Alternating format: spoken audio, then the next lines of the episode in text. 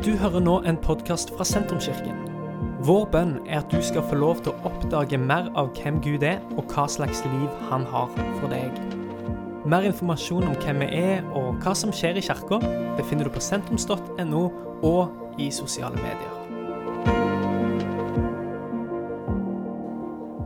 Dere, eh, for en glede og ære å få være her. Jeg var her for noen år siden og ledet lovsang. Eh, og, det er kanskje tre-fire år siden eller noe sånt. Og veldig glad for at det kunne passe. Og eh, som Per Eivind sa, for en klaff, fordi lovsang er noe jeg brenner veldig for. Jeg eh, er lovsangspastor i Fjærfjellkirken Oslo og har levet lovsang den største delen av mitt liv. Og også leder jeg lovsangslinja på vår bibelskole i Oslo. Og i dag så skal jeg snakke om tilbake til tilbedelsen. Og, og, denne serien som dere er inne i, det er en utrolig viktig serie. For det er så mange paralleller mellom det som Israelsfolket opplevde når de kom tilbake fra Babylon, og hva vi opplever nå som vi kommer tilbake fra det eksilet det har vært å være gjennom en pandemi. Og Først skal vi ha en liten recap. Jeg vet at dere har snakket om dette allerede, men en liten recap på historien. For Omkring år 600 før Kristus så ble så å si alle jøder tatt til fange og ført til Babylon av kong Nebukadnesar. Tempelet i Jerusalem det ble brent, og Jerusalem ble lagt øde. Og Etter nesten 70 år så var eksilet over. Men slettes ikke alle valgte å flytte tilbake til Israel med en gang. Det kom først 50 000 mennesker, men det tok 110 år før så å si alle var tilbake. Og det er slettes ikke rart. Det kan høres rart ut for oss, men det er slettes ikke rart. For om du har vært lenge nok i eksil, så representerer eksilet det stabile. Det er sånn at det er generasjoner som har dødd der. Det er generasjoner som har blitt født der. Og da er til slutt eksilet blitt det trygge hjemmet for så mange mennesker. Det hjemmet som vi alle ønsker og søker etter. Og det som opprinnelig var hjemlandet, har for en stor del, kanskje de aller fleste, kanskje alle, blitt et fremmed land som de egentlig aldri har vært i. Og som det var for israelsfolket etter eksilet, så tror jeg, så tror jeg det kan være for oss. Selv om ikke halvannet år kan måles med 70 år, så har iallfall halvannet år vært lenge nok for de fleste av oss til at det har endret vanene våre, og vi har fått noen nye vaner i livet. Og Istedenfor å gå til kirke på søndager så har sikkert mange av oss oppdaget naturen og det å gå tur i skog og mark. Mange av oss har sikkert brukt masse tid med Netflix. vil jeg regne med. Trenger ikke å løfte hånda og bekjenne her, men uh, Thomas uh, har fått gjort det. Uh, vi har kanskje fått nye hobbyer. Vi har kobla med nye folk, nye miljøer. Vi har omprioritert tiden vår. Og for å være ærlig, mange av disse tingene her har vært både godt, bra og nødvendig. Jeg som har vært eh, pastor i mange år og jobbet i kristen sammenheng eh, så å si hele mitt liv, har hatt godt av en liten pause fra noe av det jaget som mye av dette menighetslivet noen ganger kan representere. Men det er sånn at med nye tider så kommer det nye vaner. Og så må vi være bevisst på hvilke vaner ønsker vi å ta med oss videre, og hvilke vaner ønsker vi å avslutte nå som vi er tilbake. Og så er det sånn at Når vi har vært så lenge borte fra, hverandre, så har vi nesten glemt hvordan det er å tilbe sammen og komme sammen i fellesskap. Men nå er vi her, vi er tilbake, og så må vi spørre oss hva nå? Og Hva tror jeg vi kan lære fra de israelittene og de første israelittene som vendte tilbake til hjemlandet? Vi skal lese fra Esra 3, som jeg vet at Per Eivind også leste fra forrige søndag. Og Jeg har gjort noen utdrag, altså utdratt noen vers, bare for at det skal bli litt mer komprimert. Så vet du det. Vi skal lese sammen i Jesu navn. Den sjuende måneden kom, og israelittene hadde slått seg ned i byene. Samlet folket seg øh, Unnskyld. Samlet folket seg, alle som én, i Jerusalem.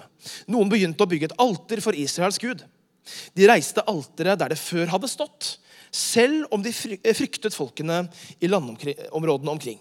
Og de bar fram brennoffer til Herren, både morgenoffer og kveldsoffer. Den første dagen i den sjuende måneden begynte de å bære fram brennoffer for Herren, selv om grunnvollen til Herrens tempel ennå ikke var lagt. Så lenge før de hadde kommet seg hjem, alle sammen, og lenge før alt var på plass, så bygde de et alter. Det første israelittene vendte tilbake til, det var tilbedelsen. Og det har vi gjort her i dag. Det er fantastisk å endelig være sammen igjen og tilbe i samme rom. er det ikke det? Og Jeg snakket med så mange mennesker gjennom denne pandemien som har sagt til meg at det vi lengter mest etter, det er å komme sammen og tilbe ikke bare hver for seg i hvert, hver sin hybel eller i hver sin leilighet eller hvert sitt hus. Det er å tilbe i fellesskap med andre kristne. Det har vi ikke klart å få til hver for oss. Så De første isolittene vendte tilbake til tilbedelsen. For det første budet i Moseloven det var nemlig du skal ikke ha andre guder enn meg.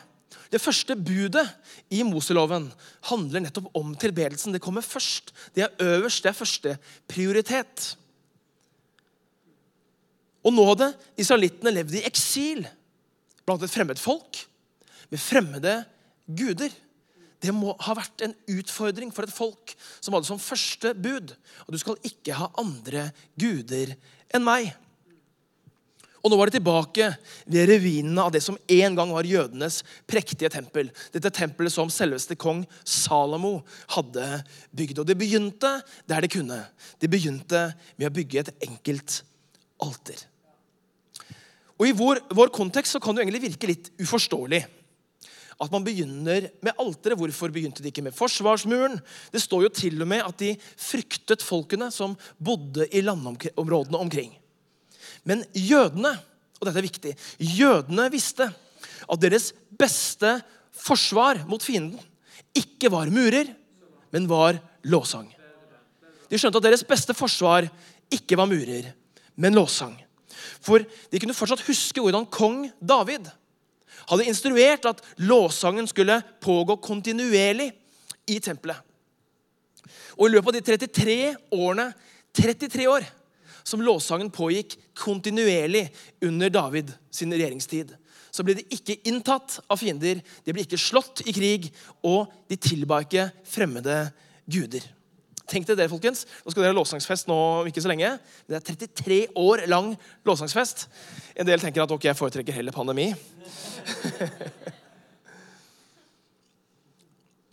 At de nå begynte å bygge alteret, det var langt ifra tilfeldig. For, for jødene var tempelet det stedet der Gud bodde, der Guds nærvær var til stede, og der de kunne møte Gud og komme til Gud med alle sine behov. Det var der de tilba, det var der de ofret, og det var der de mottok tilgivelse for sine synder. Og Det kunne de ikke gjøre noe annet sted enn i tempelet. Og tempelet var noe de hadde lengtet etter helt siden den dagen de ble tatt til fange og ført til Babylon jødene de forsto at de kunne ha et alter uten et tempel. Men de kunne ikke ha et tempel uten et alter.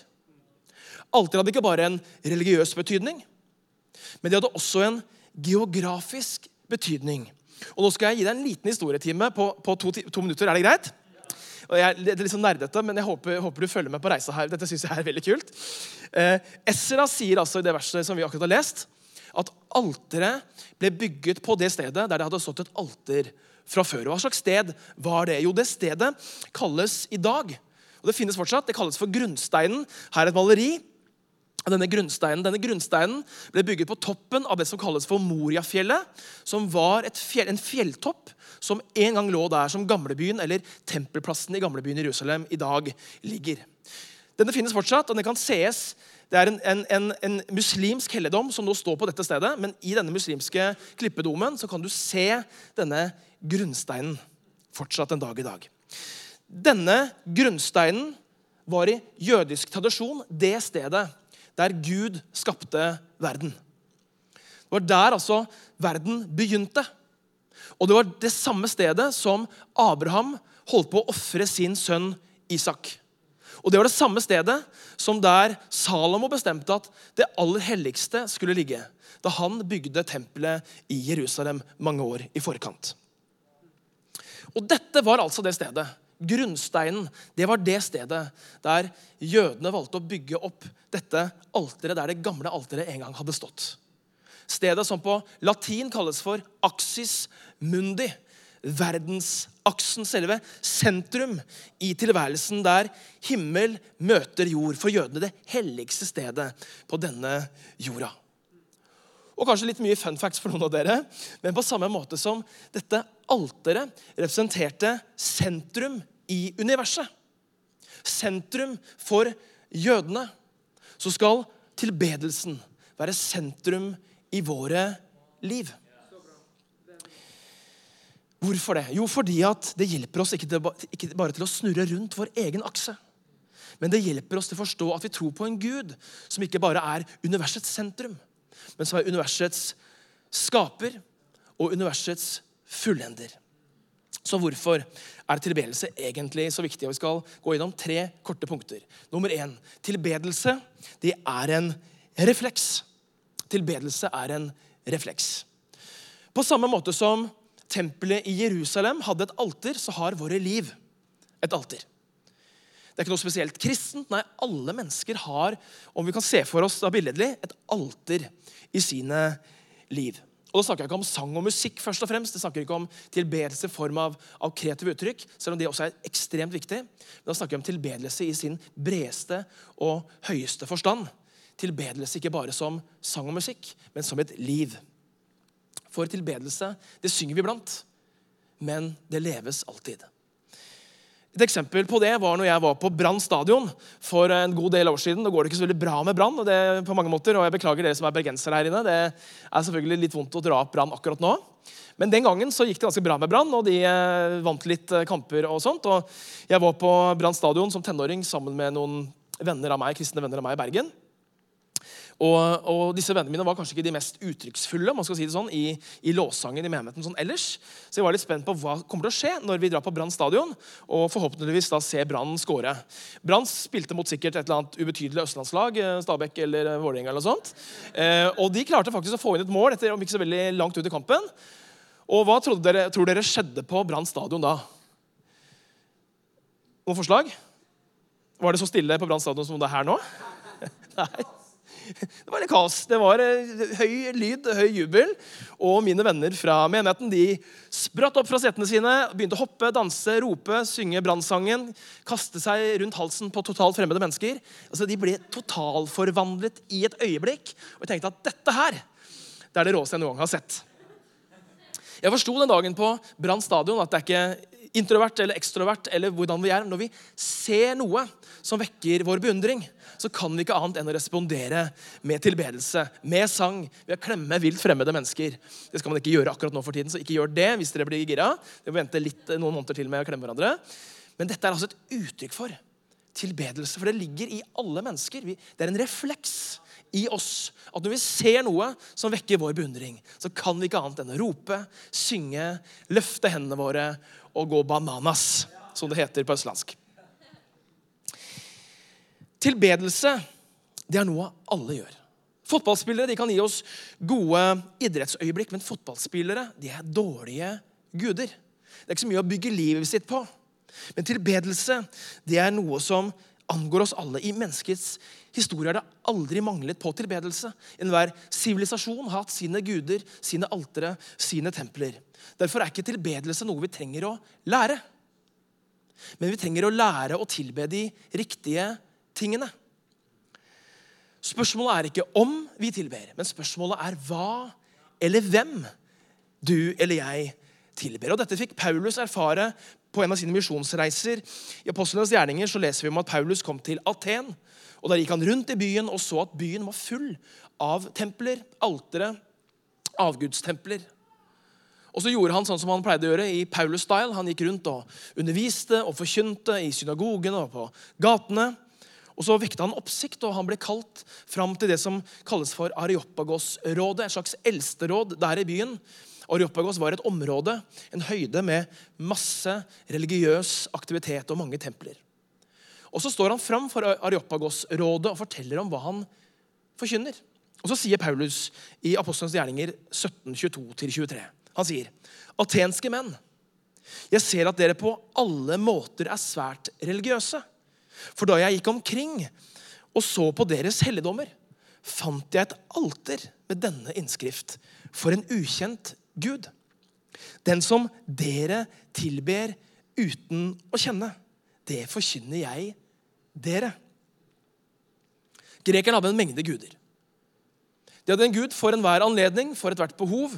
De hadde guder for fruktbarhet og musikk og lyrikk og krig og, og sjøfolk. og De hadde eh, guder for ekteskap og for hav og elver og torden og lyn, snø, you name it. Når du har så mange guder, så kan det jo være at du har glemt en gud. En gud som hadde en makt eller en kraft som du trengte, men som ikke du visste at du trengte. Og en gud som hadde noe du visste du trengte eller ikke trengte, som du ikke visste fantes. Og For den guden så hadde de bygd av dette alteret det sto for en ukjent gud. For det kunne være at det tilba en gud som de egentlig ikke visste hvem var enda. Og Så tar Paulus tak i det, og så tar han tak i deres grunnleggende religiøsitet. At tilbedelse er en refleks. Og Så sier han at den guden dere tilber uten å kjenne, han forkynner dere. Det er en gud dere mangler. Det er helt riktig. Det er Jesus Kristus. Det er han dere mangler. Han er behovet på alle deres bønner. Han er behovet for alle deres mangler. Han kan gjøre det som ingen andre av disse gudene kan gjøre. Det var ikke tvil om at atenerne var religiøse. Det var ikke tvil om at de var tilbedere. De manglet heller ikke lidenskap i sin tilbedelse. Men problemet var at de tilba de feil tingene. Tilbedelse det er en refleks som handler om at tilber vi ikke Gud, så det er ikke sånn at vi tilber ingenting. Det er ikke et vakuum. Nei, tilber vi ikke Gud, så tilber vi hva som helst. Og det må vi forstå også i vår norske kontekst. At Det er ikke sånn at kristne tilber noe, muslimer tilber noe. Alle som ikke går i kirke eller regner seg som kristne, de tilber ingenting. Nei, da tilber man jo hva som helst. For da er jo dette alteret helt åpent. For vi har alle et alter i vårt liv der det står for en ukjent Gud. Og så vil vi sette forskjellige ting på det alteret. Vi vil sette forskjellige navn på det alteret. Og vi vil alltid leve for noe som er større enn oss selv. Om det er Gud, om det er penger, om det er karriere, om det er utseende, eller hva det enn måtte være. Martin Luther har sagt hva enn ditt hjerte klynger seg fast i, er i virkeligheten din Gud. Alle har vi et alter i våre liv, og på det alteret så plasserer vi til enhver tid de tingene som betyr mest for oss. Vi kan vite de riktige tingene, vi kan si de riktige tingene, vi kan mene de riktige tingene, men det er til syvende og sist livene våre. Prioriteringene våre, der vi gir pengene våre, det vi bruker energien vår på, det er de tingene som til syvende og sist forteller hva vi tilber. Det engelske ordet for det norske ordet lovsang, det er worship. Og worship betyr egentlig å gi noe verdi, altså tilskrive noe verdi. Og det er tilbedelse i sin reneste form. Vi tilber de tingene vi gir verdi. Så på alteret i ditt liv finnes det til enhver tid de tingene, de menneskene, de prioriteringene som du setter høyest i livet. De som har størst verdi for deg. De tingene du våkner opp om morgenen og tenker på. De tingene du legger deg om kvelden og tenker på. De tingene du drømmer om om natta eller om dagen. De tingene som har størst verdi for deg, er de tingene du tilber. En kristen tilbedelse handler om dette. At vi skal ha alteret som sentrum av vårt liv. Og Jesus må være sentrum av vårt alter. Nummer to. Den andre grunnen til at tilbedelse er så viktig, det er at tilbedelse er en prioritet. I Lukas evangelium så leser vi om at Jesus besøker sine to venner Martha og Maria. Dere har kanskje hørt historien, mange av dere fra før. Og I denne historien så ser vi hvordan to personer kan reagere veldig forskjellig på Jesu nærvær. Og det står i Lukas 10, 38-42. På sin vei kom han til en landsby hvor en kvinne som het Martha, tok imot ham i sitt hjem. Martha hadde en søster som het Maria. Hun satte seg ned ved Herrens føtter og lyttet til hans ord. Men Martha var travelt opptatt med alt som skulle stelles i stand. Hun kom bort til dem og sa, 'Herre, bryr du deg ikke om at min søster lar meg gjøre alt arbeidet alene?' Si til henne at hun skal hjelpe meg. Men Herren svarte henne, Martha, Martha. Du Martha, du Martha. Du gjør deg strev og uro med mange ting, men ett er nødvendig. Maria har valgt den gode del, og den skal ikke tas fra henne. Og Min første reaksjon på den teksten har alltid vært sånn Åh, Jesus er så urettferdig mot Martha. Stakkars Martha. Hun som gjør alt hun kan. Martha i farta som gjør alt hun kan for at Jesus og disiplene skal få det bra. Det ville du gjort også, ikke sant? Hvis du fikk gjester på hybelen eller, eller gjester hjem til deg. Så ville du kokt litt kaffe, og du ville kanskje funnet fram noen tørre cookies i skapet. Og kanskje du til og med hadde en kake. Hvis du er neteland, så har du sikkert en kake klar. Eller noen gode boller. Eh, det å følge dere på sosiale medier er jo, jeg kan jo kjenne bollelukta helt til Oslo. Altså, Vi gjør jo det vi kan for å få folk til å føle seg hjemme. Det handler om gjestfrihet, det handler om folkeskikk, det handler om normal kultur og oppførsel. Og på denne tiden, særlig på denne tiden, så var det sånn at Martha hun hadde ansvar for dette huset, dette hjemmet. Det var hennes hjem. Og når Jesus kom, så var ikke bare han en gjest som hun selvfølgelig skulle serve eller tjene, men han var også en rabbi, en jødisk lærer. Selvfølgelig måtte han få det aller beste. Og hun gjorde, gjorde det hun kunne for at Jesus skulle føle seg velkommen, og at han skulle føle seg vartet opp. Og selv om hun gjør alt så tilsynelatende rett, så irettesetter Jesus henne og sier, 'Du gjør deg strev og uro med mange ting.' Selv om Martha kun hadde gjort det som var forventet av henne, så var Marthas problem at hun gjorde ting i feil rekkefølge. Hun prioriterte rekkefølgen feil. Når Jesus kom inn i huset, så ønsket ikke Jesus først og fremst å bli tjent av Martha. Men Jesus ønsket først og fremst å bli sett av Martha. Men Martha hun så ikke Jesus, for hun var så opptatt med alt hun skulle gjøre for ham. Maria, derimot, den irriterende lillesøsteren i denne historien. Er det noen som har irriterende lillesøstre her? Eller lillebrødre? De som aldri gjør noen ting, de som slipper unna alt. De som mor og far har helt gitt opp å oppdra de, for at de bare slipper unna. Vi har en yngstemann hos oss. Han er åtte år. og Våre eldre, to eldre gutter klager så på at Matteo han, han, slipper unna alt. Han får aldri kjeft. Nei, han bare glir unna. De andre de eh, får høre det, men han bare glir unna. Han er minstemann, så sier vi nei, vi har gitt opp å oppdra barn nå. sier vi, ikke sant? Så dere har fått oppdragelsen. Han får bare flyte av gårde. Nå har vi gitt opp. Vårt prosjekt er over. Denne irriterende lillesøsteren som vi kanskje kjenner igjen, som bare istedenfor å hjelpe til på kjøkkenet, setter seg ned og prater med gjestene uten å tenke over at storesøster er på kjøkkenet og prøver å stelle stand og få alt i dette huset til å fungere. La oss se litt nærmere på hva Jesus sier om Maria. Han sier, men ett er nødvendig. Maria har valgt en god del, og den skal ikke tas fra henne. Det er så mange ting i våre liv som kan oppleves som nødvendig. Men Jesus, han er det nødvendigste blant alle våre nødvendigheter. Det er ikke sånn at det ikke er nødvendig å jobbe eller få seg en karriere eller å bruke tid med familie og venner og gjøre alt det vi fyller livet vårt med. Det er nødvendig, viktig, bra. Men i Guds prioritet så er det alltid noe som er mer nødvendig enn alt det som er nødvendig. Det nødvendigste av det nødvendige. Og Det er dette som Jesus peker på her, at det er sikkert bra å koke kaffe og vaske huset og stelle stand for gjestene sine. Det er nødvendig. Men det er noe som er mer nødvendig. Det er noe man skal prioritere høyere, sette over og sette først. Og det er ikke bare å gjøre ting for Jesus, men å se Jesus. Mens Martha gjorde mange ting for Jesus, så var Marias oppmerksomhet rettet et sted. Det var ved Jesu nærvær at Jesus var i rommet. Og Jeg vet ikke hvordan det er med deg som bor sammen med en ektefelle. Være, jeg og Mariann kan være i samme hus uten å være sammen. Ikke sant? Jeg kan vite at Mariann er i huset, hun er i en annen etasje eller i et annet rom. til og med sitter ved siden av sofaen. Og vi kan være sammen og nær hverandre uten at jeg egentlig anerkjenner hennes nærvær.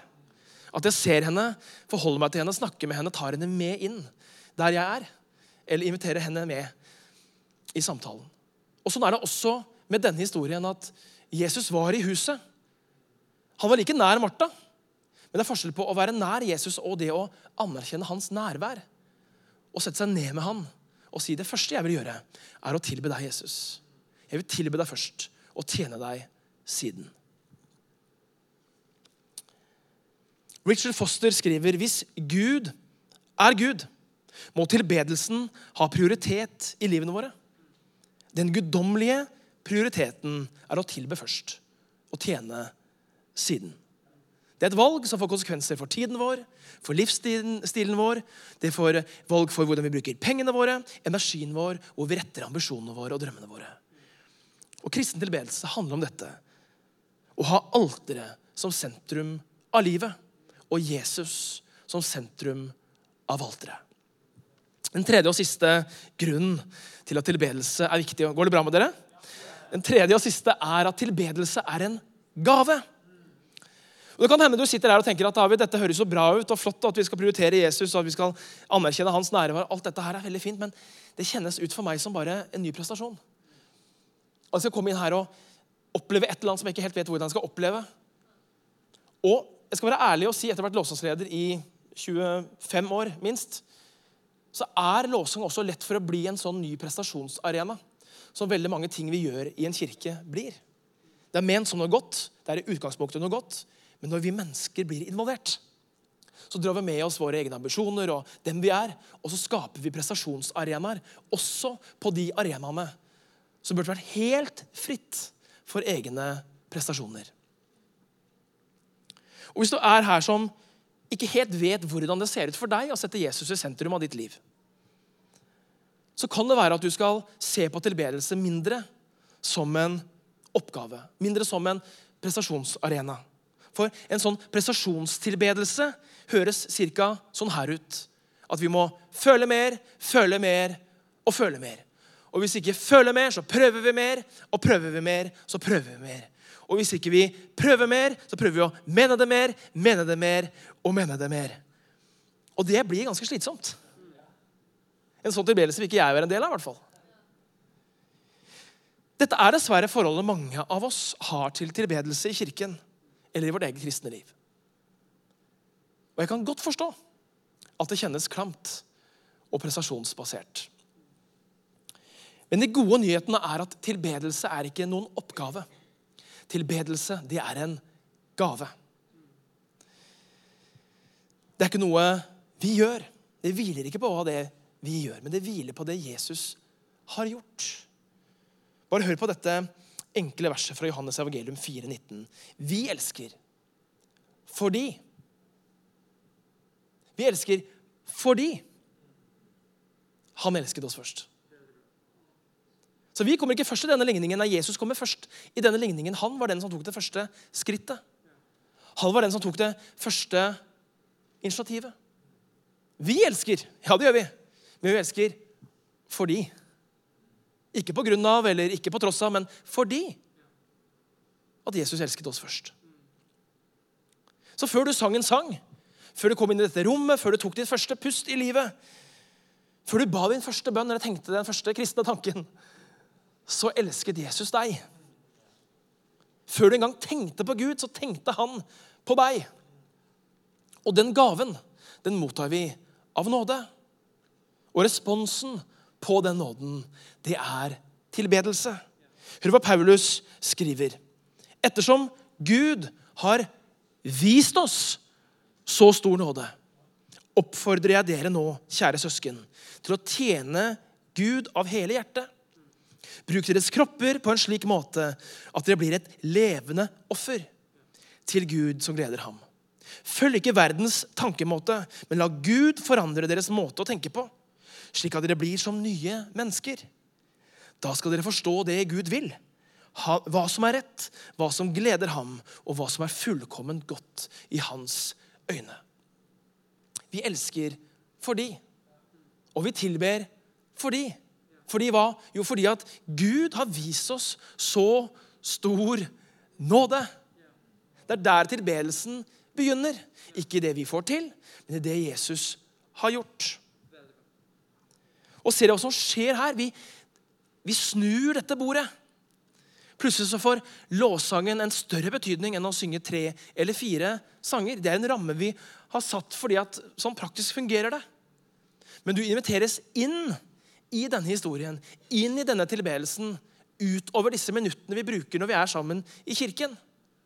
Og du inviteres inn til en tilbedelse som kommer ut og springer ut av denne åpenbaringen om hvem Jesus er. For som på Brann stadion, når vi ser noe som vekker vår beundring, så blir vår naturlige respons tilbedelse.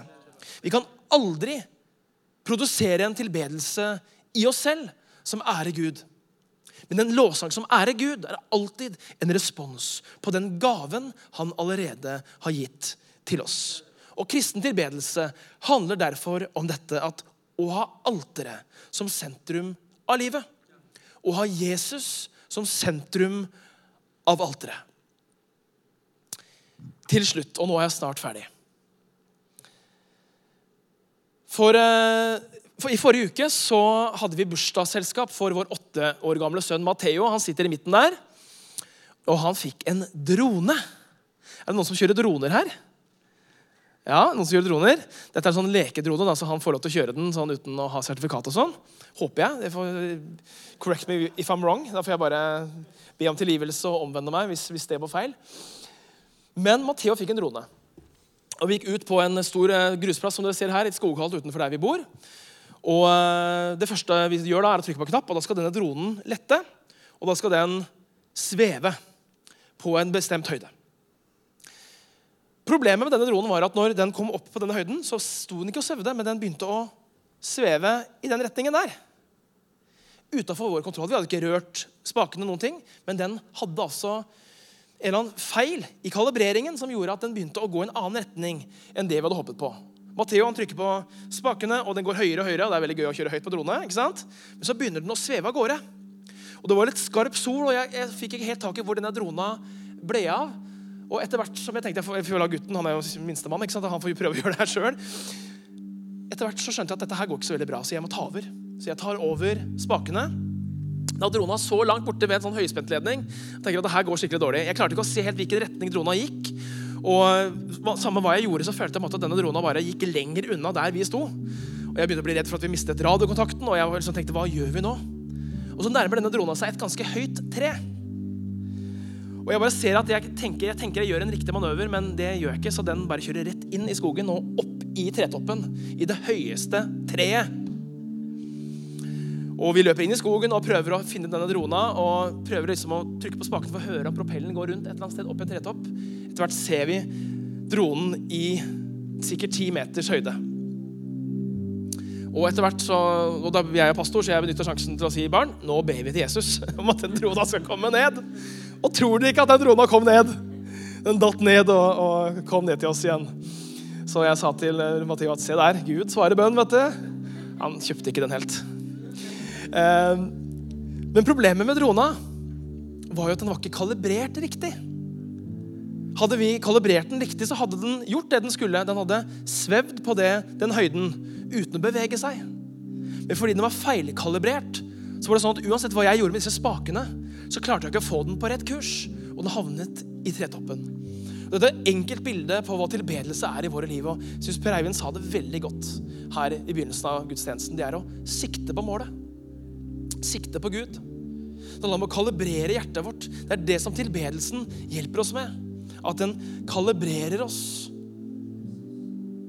Etter, fem, eh, etter 70 år i eksil så trengte jødene tilbedelsen. De trengte å rekalibrere sitt hjerte. De trengte å finne tilbake til tilbedelsen, for de forsto at når vi tilber, ja, så kalibreres vi. Etter hvert som vi lever, så kan vi bli opptatt av de feil tingene. Vi kan komme litt ut av kurs. Vi kan bruke tiden vår på unødvendige ting. Vi kan glemme litt hvem Gud er i våre liv, og hva han betyr for oss. Vi kan bruke tiden vår, og energien vår, og pengene våre og drømmene våre på ting som på sikt fører oss ut av kurs. Kanskje det setter oss fast, og kanskje vi havner i en slags tretopp om å ha hjelp til å komme ned igjen. Og det Er sånn, det er ikke våre hjerter, er ikke våre lengsler kalibrert mot de rette tingene, så kan vi komme på kollisjonskurs med det livet vi hadde sett for oss at vi ville leve. Og vi kan komme på kollisjonskurs med det livet som Gud ønsker at vi skal leve. Derfor så er tilbedelse så mye mer enn sang og musikk. Vi elsker å synge sammen. Vi elsker å, å stå i lovsang og tilbedelse sammen. Men tilbedelse er også så mye mer. Det handler om å rette inn livet sitt mot de riktige tingene. For tilbedelsen av Gud det handler om å løfte blikket opp fra vår egen navl. Opp fra oss selv. Og se på Gud, han som er større enn oss. Tilbedelsen er en slags aksis mundi, en verdensakse som fører oss tilbake til grunnsteinen, til utgangspunktet, til nullpunktet. De kalibrerer oss i tråd med dette møtet mellom himmel og jord, dette hellige stedet der Gud møter oss. Og Derfor så er min bønn for oss Derfor så er min bønn for mitt, eget liv og for Sentrumskirken, for kirken og alle andre kirker i dette landet, at vi skal finne tilbake til tilbedelsen som grunnsteinen i våre liv. Finne tilbake til tilbedelsen, for tilbedelsen det er en refleks. Tilbedelsen er en refleks på de tingene vi ser som vekker vår beundring. Alle tilber noe. Det er ikke spørsmål om vi tilber, men hva vi tilber. Og vi må lære oss selv. Vi må lære hjertene våre til å tilbe de gode og riktige tingene. Så vet vi at tilbedelse det er en prioritet. Det er så mye nødvendig i livet vårt. Det er så mange ting vi trenger å gjøre. Det er så mange forventninger til oss fra andre og fra oss selv. Men vi trenger å sortere denne bunken og prioritere det nødvendigste over alle de andre nødvendige tingene. Og så vet vi at tilbedelsen det er en gave. Det hviler ikke på hva du har gjort, men på hva Jesus har gjort. Når du ser på tilbedelsen som en, et ork, en prestasjon, en oppgave, så kan vi ved Guds nåde se tilbedelsen som en gave fra Gud. Og han har gitt oss som en mulighet til å koble med han. Et hellig sted som ikke er begrenset til et sted i Jerusalem, men som er det stedet der du er, i deg. For tempelet det er ikke bare bygd i stein, men tempelet har Gud reist i våre hjerter. Det er bygd ved Hans ånd i våre liv. Og Den hellige ånd, når Den hellige ånd tar bolig i oss, så bygges vi opp til et tempel for Gud. Et tempel der Gud er nærværende, der Den hellige ånd bor, og der vi kan leve livene våre i Den hellige ånds kraft. Gud kaller oss til å bygge alteret. Gud kaller oss til å ha alteret som sentrum av våre liv, og ha Jesus som sentrum av alteret. Skal vi reise oss opp og så skal vi be en bønn sammen før vi tilber videre. Vi takker deg, gode Gud, for at du har gitt oss muligheten for å ha relasjon med deg. Og vi ber deg, Herre, nå om at du skal kalibrere våre hjerter til de tingene som du lengter etter. Kalibrere, kalibrere våre hjerter til de tingene som du elsker.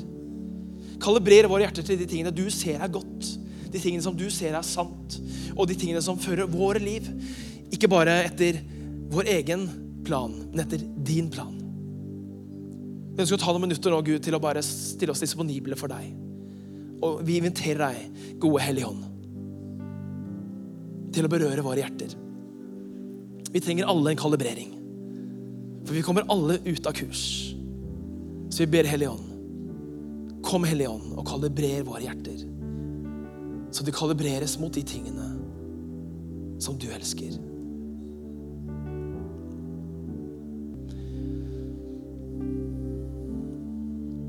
Hvis vi bare står i bønn, så blir jeg bare minnet om å,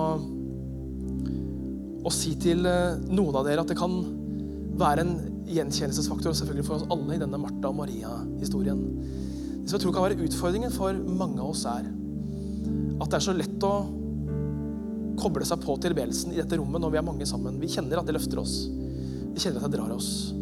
At Gud kaller oss også til denne tilbedelsen der vi gir vår oppmerksomhet til Han i våre liv. Og hvordan det ser ut, det er ikke noe oppskrift på det. Men kanskje noen av oss trenger å ta noen valg og bygge sånne altere som blir et slags konkret sted. Eller om det blir et konkret tidspunkt. Eller om det blir en konkret form. Noen ganger så kan disse konkrete tingene hjelpe hverandre litt. Jeg vet om folk som har bestemte stoler de setter seg i når de skal være sammen med Gud. Ikke fordi at Gud er mer i den stolen, men fordi at det hjelper dem i å fokusere. Eller ha et spesielt rom, eller bygge et sånt i gåsehøyne alter i ditt hjem.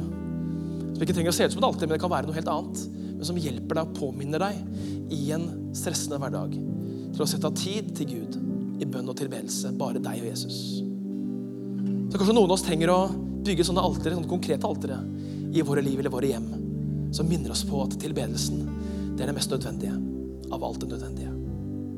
Vi tilber sammen.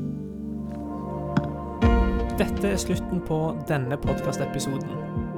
Har du spørsmål om Jesus, om tro, om livet, så er du hjertelig velkommen til å ta kontakt med oss via sentrums.no.